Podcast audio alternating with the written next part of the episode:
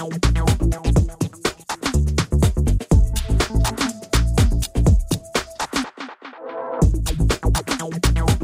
de vorige aflevering van De Grote Ontknoping hoorde je Marcel vertellen hoe hij veel weerstand kon kenteren door mensen juist te informeren. En je hoorde Katelijne, die nu al droomt van een plons in het dok.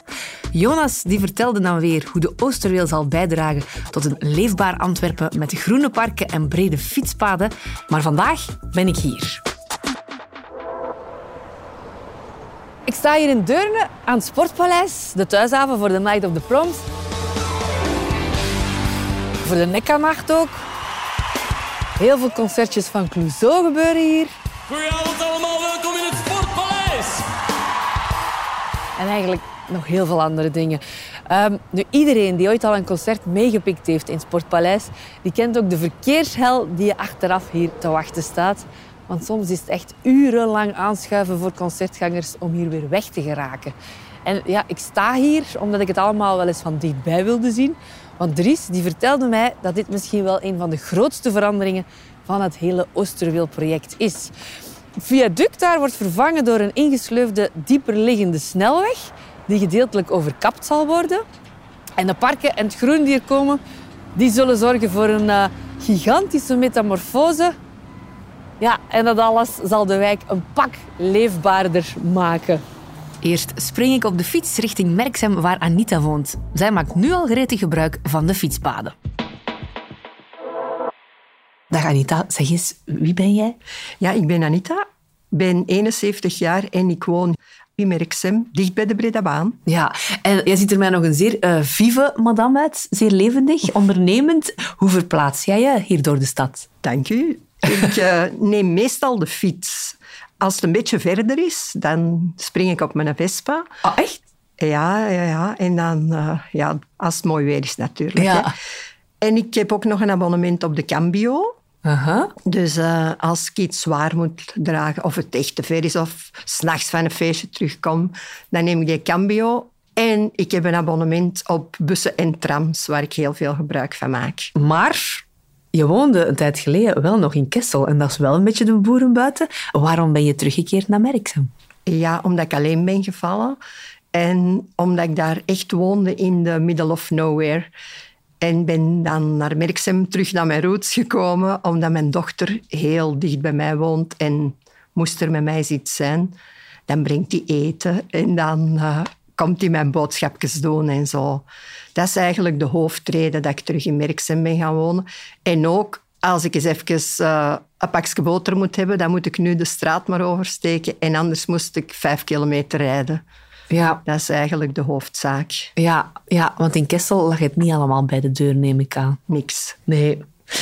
Anita, ik denk dat jij een voorbeeld bent voor veel mensen. Het feit dat je op zoveel alternatieve vervoersmiddelen beroep doet. Vind je dat een opdracht, een opgave? Nee, je moet alleen veel tijd hebben. Als je met openbaar vervoer ergens naartoe wilt gaan, dan moet je gewoon heel veel tijd hebben. Mijn zoon die woont aan de zee bijvoorbeeld. Ik ben dan toch wel drie uur onderweg, van deur tot deur. Ja, um, geraak je overal vlot met het openbaar vervoer? Ja, als je veel tijd hebt. Ja, Ja. je raakt echt overal, maar soms duurt het echt heel lang. Ja. Dat wel. En de fiets? De fiets dat is mijn beste vriend. Ik, ik rijd er heel Merksem, Antwerpen, Braschaat, uh, Schoten, heel, allee, tot 20 kilometer heen doe ik alles met de fiets. Ja. En is het een elektrische? Ja, sinds anderhalf jaar. Ah ja. Ik heb een knieoperatie gehad en sindsdien ben ik toch gezwicht voor een elektrische. Maar Ja. daarvoor deed ik alles met een gewone. ja. En daardoor blijft de Vespa af en toe wel eens wat vaker in de garage staan. Ja, ja. Ja. ik probeer dat een beetje... Allee, als het kan, neem ik de fiets. Ja. Als het niet kan, neem je de tram of de bus naar de stad. Hoe loopt je parcours dan? Als ik in de buurt van het station moet zijn, dan kan ik tram 2 en tram 3 nemen. Als ik in de buurt van de Rozeveld moet zijn, dan kan ik gelijk welke bus nemen. Of ook de twee trams. En als ik op de Groenplaats moet zijn, dan moet ik alleen de 3 nemen. Ja. Dus, maar... Anita is eigenlijk de levende app. Als je wil weten welke tram dat je moet nemen, dan moet je bij Anita zijn. Anita, jij woont aan de Bredabaan, zei je. Ja. Ehm, heb jij daar zelf last van de werken aan de Oosterweelverbinding? Nee, van de werken zelf niet. Alleen als ik naar de luchtbal wil rijden met fiets, dan moet ik zeker vijf keer oversteken. Maar ja, Dat is heel vervelend. Ja, dus- En altijd wachten tot terug groen licht is. Dat duurt, anders ben je daar op vijf minuten en nu doe je daar dubbel over, bij manier van ja. spreken. en je staat te wachten tussen de auto's die voorbij ja, rijden. En, ja, dat is niet zo leuk. ja. En als je de andere kant uit moet? Als ik naar eh, Antwerpen rijd, dan zijn er twee hele goede dingen. Je hebt dan de Fietsersbrug, die verstrekt daar niet zo ver van mij. En dan kom je direct in Parkspoor Noord. Dat is een super idee. Dat hebben ze echt prachtig gemaakt.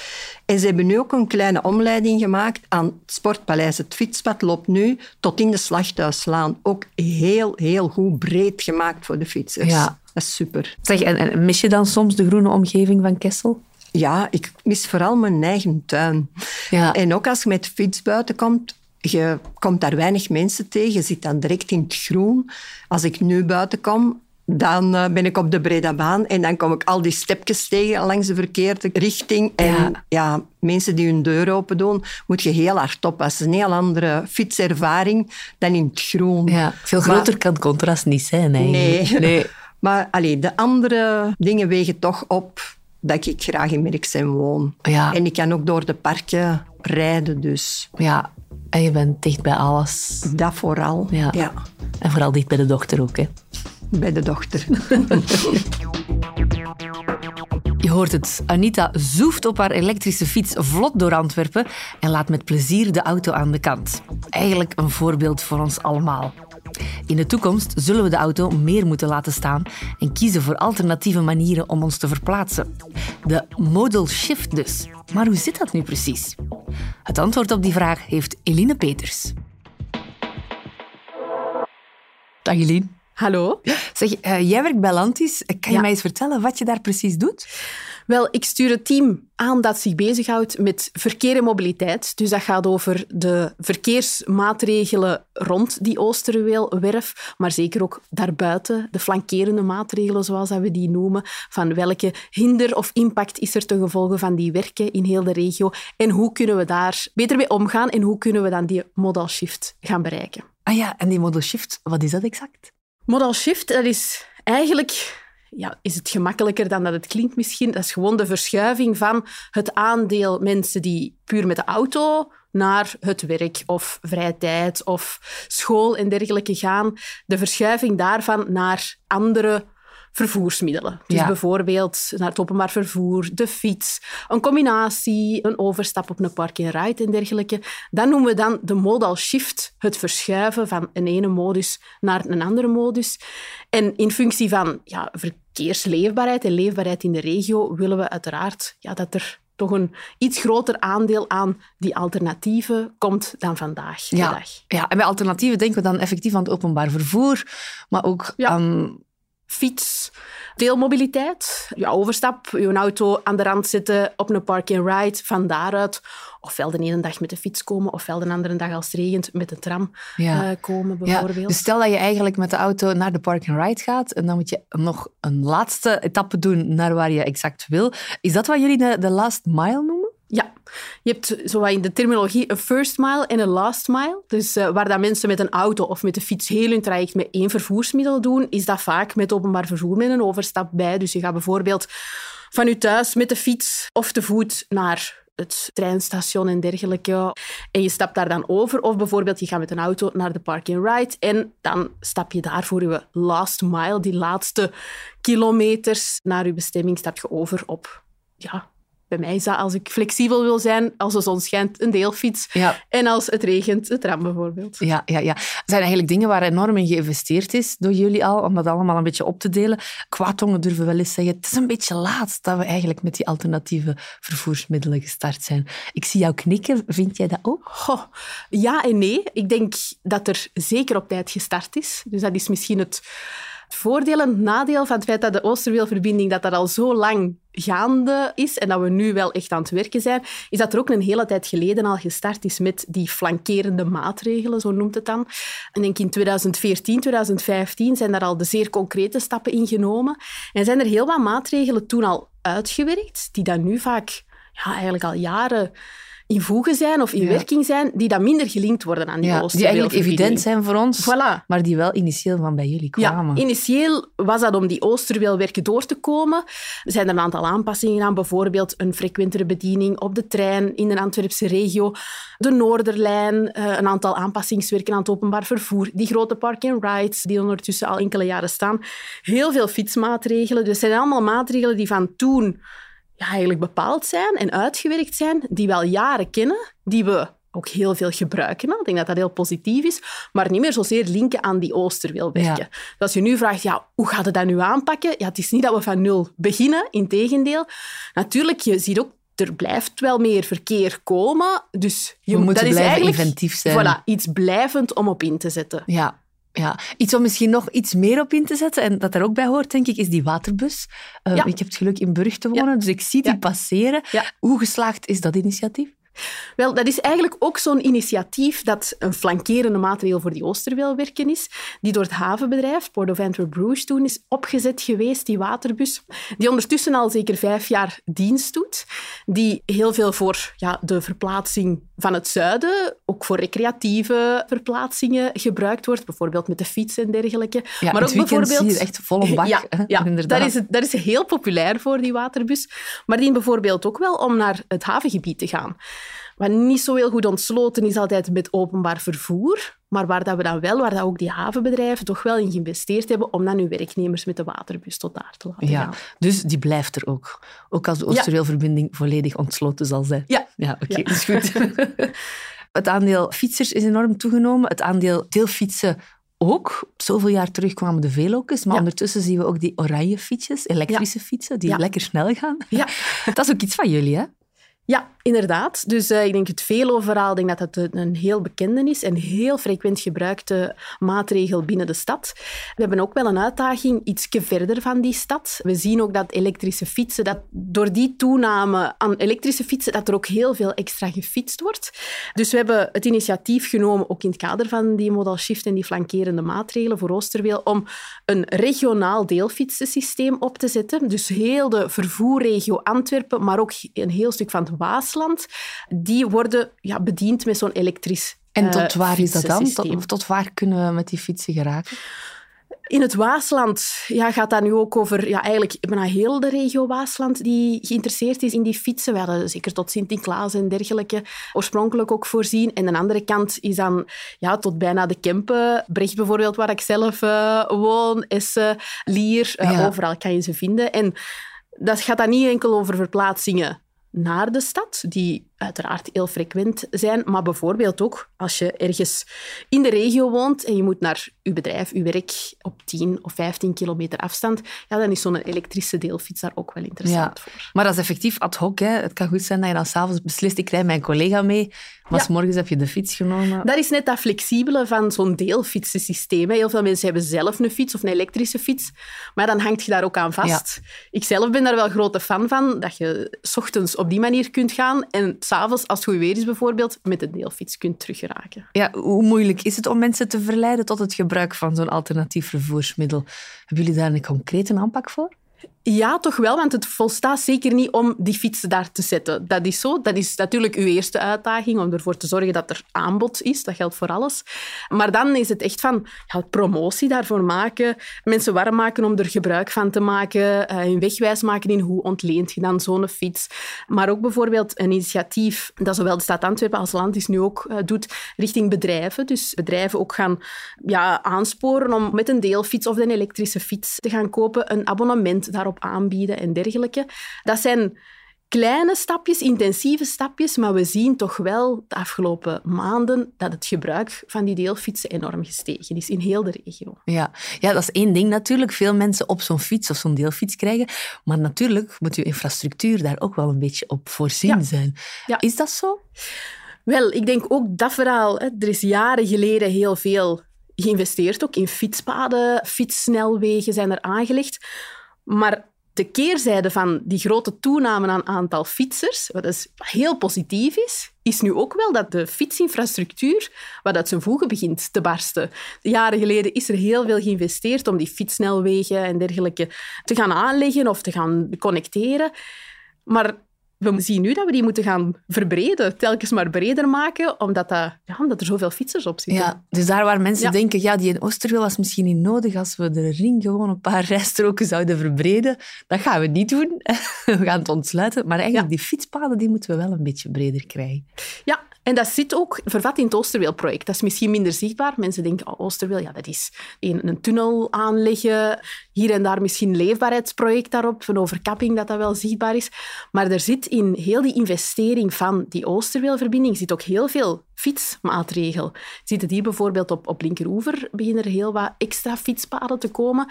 Maar ook op rechteroever bijvoorbeeld, in heel die ringparken, ja, komt een heel ringfietspad met een toch wel serieuze breedte, zodat je niet alleen met een auto heel vlot de ring kunt ja, bereiden of, of oversteken, maar ook met de fiets. Ja. Nog een term die we regelmatig horen terugkomen is deelmobiliteit. Betekent dat nog iets anders dan de modal shift? Deelmobiliteit dat is eigenlijk een deel van het aanbod in die vervoersmodi. Dat kan gaan over deelwagens, deelfietsen, zoals dat elektrisch deelfietsensysteem. Deelsteps zie je nu ook heel veel. En dat is net om mensen eh, die flexibiliteit te geven. Om te kiezen met welk vervoersmiddel dat ze gaan. In de stad is er een heel groot aanbod van deelwagens bijvoorbeeld. Je zou daar direct kunnen zeggen van ja, dat blijven wel auto's. Is dat dan wel echt... Ja, Investeert dat in, ja. in een modal shift? Maar daardoor, doordat er zo'n aanbod aan deelwagens is, zie je dat heel veel mensen hun eigen auto of hun tweede wagen inruilen, aan de kant laten staan, verkopen en dan een abonnement op de deelwagen Ja. nemen. Ja, ja ik heb je ene- toevallig vorige week Ah, leren ja. kennen via een vriendin. En een leuke bijkomstigheid is, je kan die zetten waar je wil in de stad, Ja, wat je zelf eigenlijk Ja. niet meer kan. Ja. En je moet geen parkeerkosten Ja. betalen. Ja. Dus eigenlijk is dat wel een enorme win-win. Ja, ja. En de ene dag, ja, als je daar toch nood aan hebt, of je hebt een jong kindje, of je moet boodschappen doen, kun je je een deelwagen nemen. Ook heel flexibel. En een andere dag kun je bijvoorbeeld wel met de fiets gaan of met openbaar vervoer gaan. Ja. Is de Antwerpenaar, en bij uitbreiding de Vlaming misschien, goed bezig? Ik durf toch te zeggen van wel. Als Hebben we het zien, allemaal begrepen? Als we zien welke evolutie dat we op tien jaar tijd hebben kunnen bewerkstelligen, met zowel te investeren echt in aanbod. Als die mensen ja, die shift te laten maken, ook mentaal, daar is een enorme evolutie, enorme vooruitgang in. Maar ook daar zijn we denk ik niet. Het is blijvend daarop inzetten om mensen blijvend ja, te verleiden naar die andere modus. En we zien, ja, zeker in Antwerpen, de stad, de districten, is er heel veel aanbod en begint het echt heel goed te werken. Maar we zien dat we in die regio en eigenlijk in Vlaanderen voor de rest toch wel een uitdaging hebben, omdat je daar net...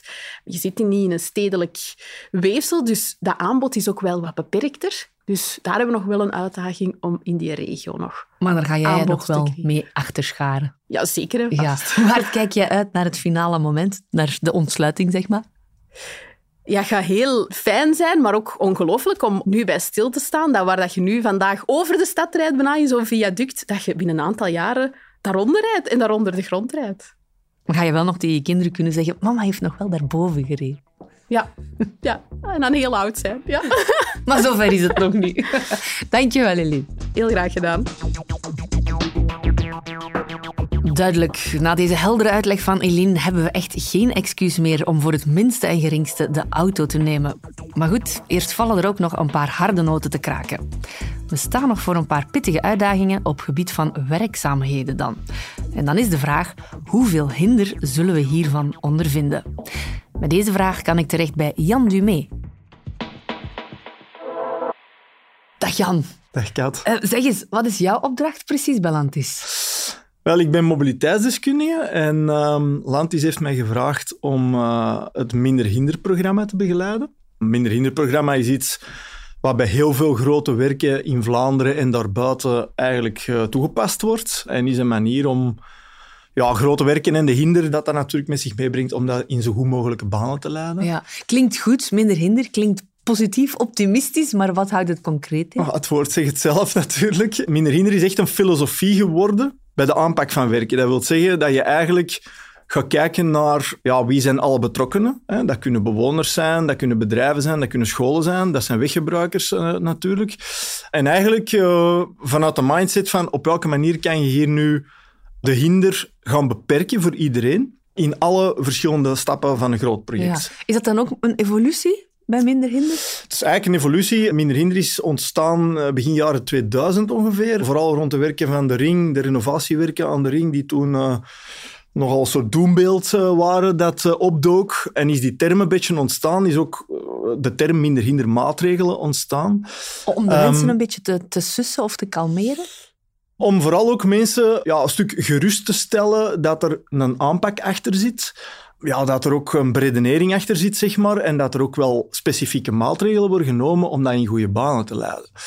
En tot daarvoor was dat minder het geval. Hè. Uh, allez, misschien bij het ene project wat meer dan bij het andere, maar toen is dat eigenlijk echt systematisch een aanpak geworden die op alle grote projecten een evidentie geworden zijn. Ja. En wat heeft ervoor gezorgd dat ze dat toen zijn beginnen aanpakken? Ja, ik denk de schaal van het project vooral. Ja. Ik denk ook wel het feit dat Antwerpen toch uh, een enorm belangrijk verkeersknooppunt is. De nabijheid van de haven, de bereikbaarheid van die haven, heeft gemaakt dat er een soort ja, urgentiebesef was van ja, we moeten hier uit een ander vaatje beginnen tappen dan wat er toen eigenlijk de regel was eigenlijk ook wel de urgentie en alle neuzen die in dezelfde richting stonden. Dus dat was eigenlijk echt wel een specifieke context van iedereen die ja, toch in dezelfde richting keek van oké, we moeten hier echt wel een programma gaan uitwerken, ja. een aanpak gaan uitwerken. Want het gaat voor jaren duren. Want het gaat inderdaad voor jaren duren en dat is nu zeker ook het geval. Dus uh, je moet dat ook lang kunnen volhouden. Hè? Dat is ook belangrijk. Ja, nu, een van die maatregelen die jullie nemen om het lang vol te kunnen houden, zijn tijdelijke extra wegen, of wat jullie noemen een bypass. Binnenkort komt er zo eentje aan. Hè? Uh, waar en wat is dat? Een bypass is in feite een soort tijdelijke constructie waar het verkeer dan overgeleid wordt. Ja, Zo'n bypass kan lang of kort zijn. Op linkeroever hebben we hier een keerbrug gehad in de buurt van het complex Kruibeke. Ja, maar mensen um, snappen dat niet altijd direct. Hè? Van, wat moeten we nu eerst Wat is de bedoeling? De ja, ja, ja, ja, ja. Maar het was dus in feite om een, een keerbeweging die toen uh, nodig was voor het verkeer richting Antwerpen, om dat eigenlijk in goede banen te leiden ter hoogte van het op- en africhtencomplex. Nu, op rechteroever is het uh, iets helemaal anders en ook van een andere schaal. Het is echt een tijdelijke constructie om het verkeer van de ring zelf, dus het doorgaande verkeer tussen omgeving Sportpaleis en het noorden van Antwerpen, om dat op een tijdelijke weg, enfin, tijdelijk is relatief in dit geval, want dat zal meerdere jaren zo zijn. Ja, uh, hij zal zo... pas in 2025 in gebruik. Ja, dat is zo. No. Dus dat is nog wel even... De reden daarvan is omdat ja, die bypass bouwen is een project op zichzelf. Hè. Dus dat is het is ook een viaduct. Hè. We zitten daar in de hoogte. We moeten het Albertkanaal over. Dus we moeten die constructie eerst bouwen, alsof we een soort definitieve constructie zouden bouwen. Die moet dan natuurlijk meerdere jaren heel veel verkeer kunnen verwerken. En dan, eens dat die in dienst is, die bypass, vanaf 2025, zal die meerdere jaren het verkeer opvangen. En dat zal ook toelaten om de bestaande ring, het viaduct van Merksem, voor wie het kent, om dat dan vervolgens te gaan afbreken. Ja. Dat is nogal... Ja. Enfin, dat gaat indrukwekkend zijn, allicht. Ja. Um, ik, ik, zie je lachen. Ik denk heel veel mensen weten dat absoluut niet of, of snappen dat absoluut niet, dat die bypass een, een tijdelijke maatregel is en dat het viaduct uiteindelijk zal afgebroken worden ondertussen. Maar dus de definitieve ring komt daar op niveau min 1. Hè. Deels overkapt ook, maar ook met een tunnel onder het Albertkanaal. En die komt voor een groot gedeelte op de plek waar vandaag dat viaduct staat. Dus om dat te kunnen bouwen, die nieuwe ring, moet natuurlijk dat viaduct weg. En door die bypass kunnen we het verkeer voor langere tijd opvangen op een tijdelijke constructie, zodanig dat we in alle veiligheid, in alle comfort ook, dat viaduct kunnen afbreken en die nieuwe ring bouwen. Ja, dus het lijkt misschien in het begin even dat er extra hinder komt met die bypass, maar eigenlijk is het om minder hinder te krijgen. Voor ons is die bypass bouwen alsof we fase 1 van het definitieve project zouden bouwen. Er is eigenlijk geen verschil in aanpak. Dus dat wil zeggen dat we ook op vlak van minder hinder dagdagelijks die bypass net op dezelfde manier benaderen dan de werken voor de definitieve constructie. Ja, ja. Dat is eigenlijk het principe. Dat wil zeggen dat alles rond ja, hoe kunnen we de verschillende verkeersnetwerken zo goed mogelijk laten functioneren. Het fietsnetwerk, het tramnetwerk, maar ook het, het autoverkeer. Hoe kunnen we dat zo goed mogelijk laten functioneren tijdens de bouw van die bypass? Alsof het een definitieve constructie was, bij wijze van spreken. En dat zorgt er ook voor dat iedereen ook mee is in die aanpak. Hè. Dat is echt een volwaardige eerste fase. De werken zijn begonnen. Hè. Het is niet een soort, uh, we gaan tijdelijk even iets doen. Nee, de werken zijn werkelijk begonnen en dit is de eerste stap daarvan. Ja. En hoe communiceren jullie dat naar de bevolking? Maar ik denk dat er heel veel initiatieven genomen worden op dat vlak en op verschillende schaalniveaus. We werken al heel lang met alle betrokken ja, stakeholders, zoals we dat zeggen. Hè, maar dat zijn dus ja, dat is de stad Antwerpen, dat zijn de vervoersmaatschappijen, dat is de haven natuurlijk, maar ook naar specifieke doelgroepen, naar scholen, naar bedrijven toe. Ja, en ook naar de de, brede bevolking ja. Absoluut, naar de brede bevolking. En eens werken ergens in een bepaalde omgeving bezig zijn, bijvoorbeeld er zijn momenteel eh, al eh, tal van voorbereidende werken voor die bypass bezig in de omgeving van Merksem, hè, dus in het noorden, maar ook in de omgeving van het Sportpaleis. Ja, daar zijn nu al avonden die georganiseerd worden met de buurt, waar dan mensen naartoe kunnen komen om informatie te krijgen. Daar wordt een stuk toelichting eh, gegeven. Daar worden ook, dat is ook al de gelegenheid om eventueel bezorgdheden en klachten te capteren en om daar dan iets mee te gaan doen. Ik kan je net zeggen, hoe reageren de mensen op dat soort berichten? Er zijn mensen die op een verschillende manier ja, betrokken zijn, als ik het zo mag zeggen. Je hebt natuurlijk mensen die zeer dicht bij die werf Ja. eh, wonen Not in my backyard. Hè? Voilà, de backyard, die is dan daar. Wat dat heel begrijpelijk is natuurlijk, en wat dat bezorgdheden met zich meebrengt, die niet altijd met mobiliteit te maken hebben. Dus minder hinder is misschien geïnspireerd geweest destijds vanuit eh, verkeer en mobiliteit, maar minder hinder is evengoed op vlak van geluid, trillingen, stof, werfverkeer in de omgeving van die werf en voor de mensen hun deur. Dus het gaat over heel veel verschillende facetten. Dus mensen informeren van wat er komt, is een facet, maar het gaat over veel meer dan dat. Wat ook bijvoorbeeld die geluidshinder betreft, dat wordt ook permanent gemonitord. Dus er zijn eigenlijk vaste meetpunten op verschillende stukken van de werf, zodanig dat we altijd weten, 24-7, wat eigenlijk de geluidsproductie is van de werf, als ik het zo mag zeggen. Zodanig dat ook ja, klachten en zo, dat dat ook heel kort kan opgevolgd worden met de aannemer. Ja. Wat is volgens jou het huzarenstukje van de Oosterweelverbinding? Oei. Eh, Zucht, ik, ik, ik hoor Ja, hem zuchten. Nee, ehm, ik denk, eh, het project heeft heel veel verschillende facetten, hè, eh, met heel veel uitdagingen. Er zijn projecten die, zoals de Nieuwe Scheldetunnel, ja, heel sprekend is. Hè. Iedereen kan zich daar wellicht zich iets bij voorstellen. Nu komen we op rechteroever echt in een zeer druk bebouwd en, en ja, druk gebruikt gebied, zeg maar, met attractiepolen zoals het Sportpaleis bijvoorbeeld, met de omgeving van de haven, het Albertkanaal natuurlijk, dat moet kunnen blijven functioneren. Dus die bypass is daar een facet in, maar ik denk dat we kunnen zeggen dat het de werken op rechteroever en dan omgeving viaduct Merksem, zeg maar, dat dat toch wel de grootste uitdaging is van het ganse project. Misschien niet zuiver technisch, of niet alleen zuiver technisch, maar wel naar net het beperken van die hinder. Hè, omdat je net met heel veel bewoners, bedrijven, scholen en dergelijke zit, is dat op vlak van minder hinder aanpak toch wel de grootste uitdaging, denk ik. Ja, de grootste uitdaging. En wat doet ze concreet? Maar ik denk dat we De trachten... bypass, hè? Ja, de bypass die zorgt ervoor dat het doorgaande verkeer dat die op het snelwegniveau kan blijven.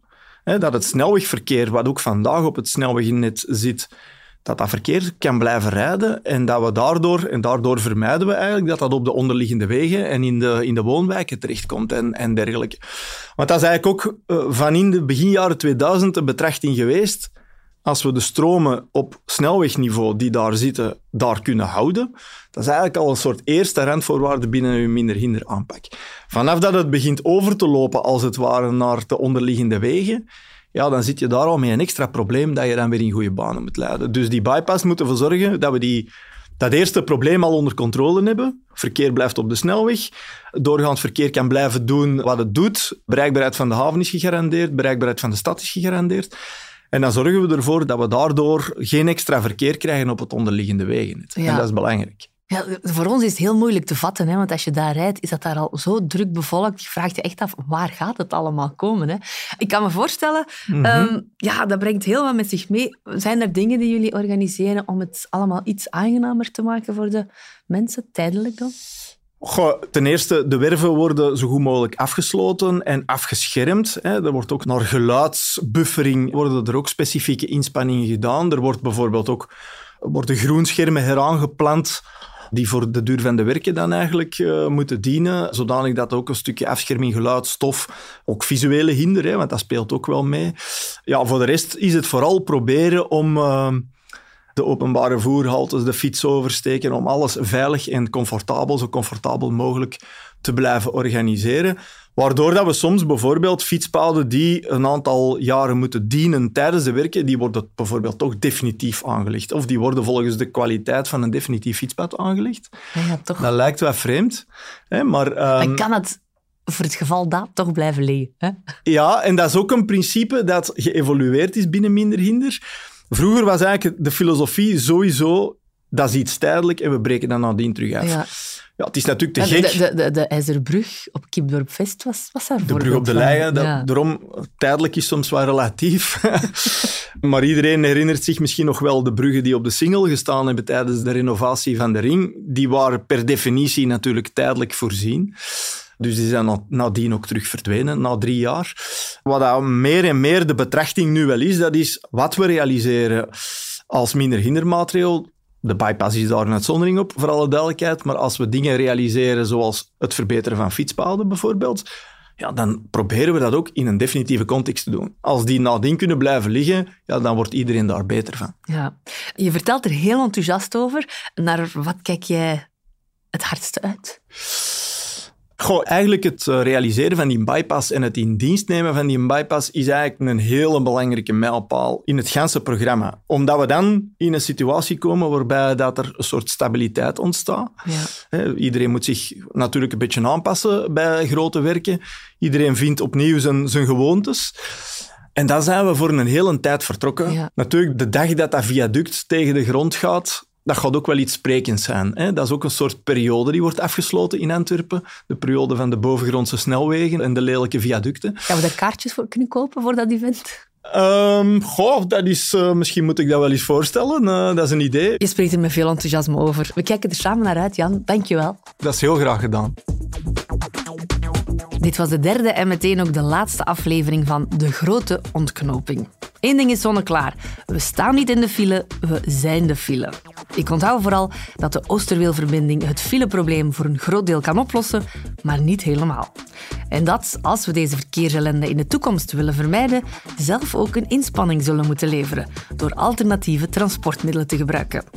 Rest mij enkel nog te vertellen dat ik, en wellicht ben ik niet de enige, heel hard uitkijk naar de afronding van de werken, want dat betekent een leefbaar en groener Antwerpen voor iedereen.